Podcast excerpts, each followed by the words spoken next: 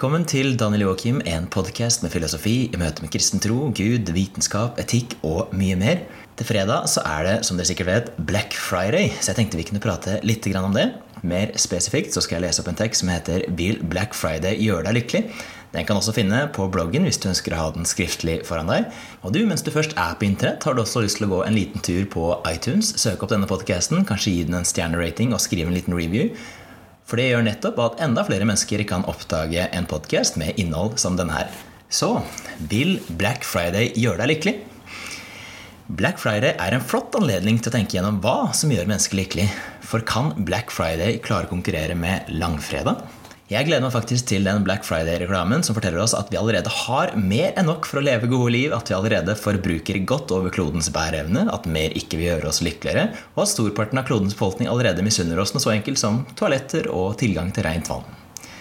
Men felles for alle mennesker er jo at vi ønsker å være lykkelig, hva enn det måtte bety. Jeg husker Et av de mest skremmende fagene jeg noen gang har hatt, var i tidlig 20-år, når jeg hadde markedsføring på BI.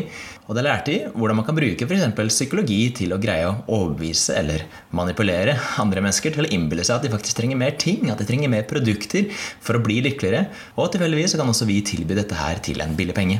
Jeg tror alle mennesker kjenner på at vi lever i en tilstand hvor ikke alt er slik som det skulle være. Urettferdighet, lidelse og uro er overalt omkring oss. Man befinner seg ofte i situasjoner hvor man kjenner på ro, lykkerus og dyp tilfredsstillelse, med alle erfaringer med at disse opplevelsene straks vinner hen og avløses av nye perioder av uro, kjedsomhet og stress. Så vi forventer derfor også at alle fremtidige opplevelser av glede vil etterfølges av nye bølgedaler. Så hva skal vi da sette tilliten vår til? For om ikke det finnes noe iboende hensikt ved denne virkeligheten vi lever i, er kanskje det beste vi kan få ut av livet å løpe for å kjenne på den ene positive psykologiske opplevelsen etter den andre. Men dette er ikke bare slitsomt, men jeg er til stadighet avhengig av å undertrykke den brutale påminnelsen om at alt dette bare er forbigående. Filosofen Walter Stays skrev i magasinet The Atlantic i 1948 om hva som skjer om mennesket ikke lenger tror på at naturen er en skapelse som er sammenvevd av et opphav som gir mening og hensikt til det.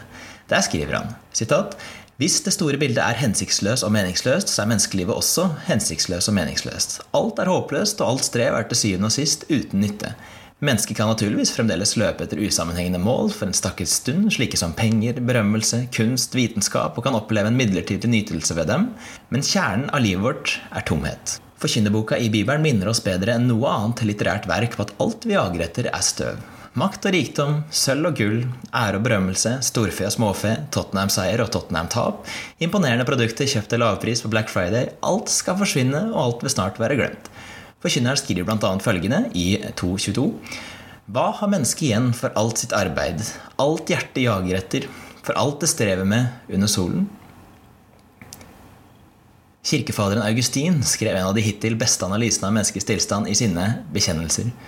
Han skriver Du har skapt oss for deg selv, og vårt hjerte er urolig inntil det finner hvile i deg. Vi lurer oss selv, mente Augustin, om vi tror at hvile er å finne i noen andre enn Gud. Og Den kjente agnostiske forfatteren David Foster Wallace er inne på noe lignende i essayet 'This Is Water', hvor han skriver sitat, Det fins ikke noe slikt som ikke tilber. Alle tilber. Det eneste valget du får, er hva du skal tilbe. En god grunn til å velge noe slikt som en gud, er at alt annet vil spise deg levende.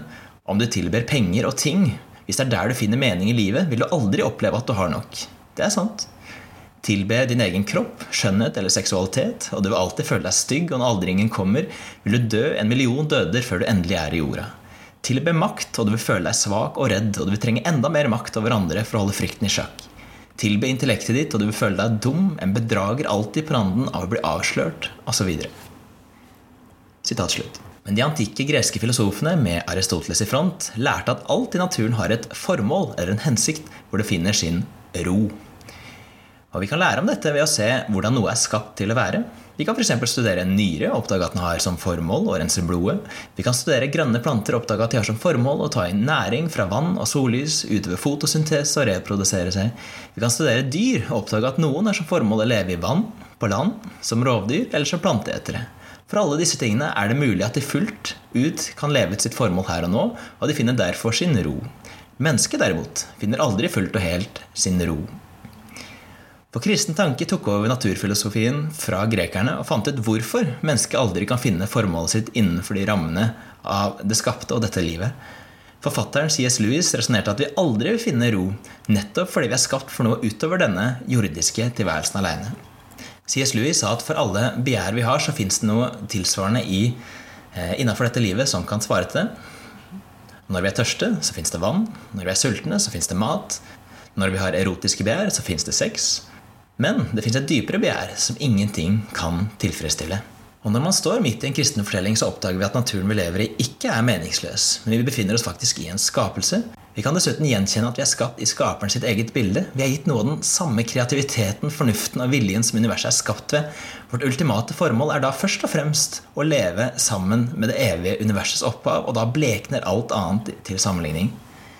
Men siden vi lever her og nå som skapninger av kjøtt og blod, så ble Gud også et menneske i kjøtt og blod. Gud ble en person vi kunne ha som forbilde for våre liv, som vi kunne ha en relasjon til, og løsrive oss fra den illusjonen at vi faktisk kan finne meninga med livet i materielle eiendeler. Det minner oss på at alt annet er å ligne med støv i forhold, slik at vi ikke kaster bort dette ene livet vi har fått i gave på å jage etter sånne ting. Men det kaster også et nytt liv tilbake på tilværelsen vår her og nå. For om vi faktisk lever i et skaperverk, så lurer vi bare oss selv om vi tror at selve meningen med livet kan befinne seg i jagen etter skapte ting. Vi har derimot fått noe veldig konkret å leve for. Og Jesus han oppsummerte dette i det dobbelte kjærlighetsbud. I Matteus 22, 37, 39. Du skal elske Herren din Gud av hele ditt hjerte og av hele din sjel og all din forstand.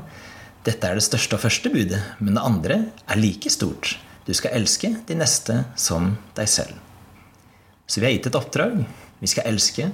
Og det å elske universets opphav likestilles med det å elske menneskene omkring oss. Og Jesus viste oss perfekt hvordan det ser ut. Det gir oss noe å leve for, fredag etter fredag.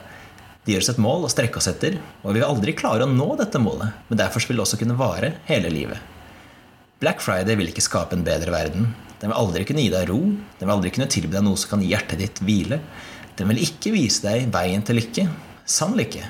For det er bare langfredag kan det.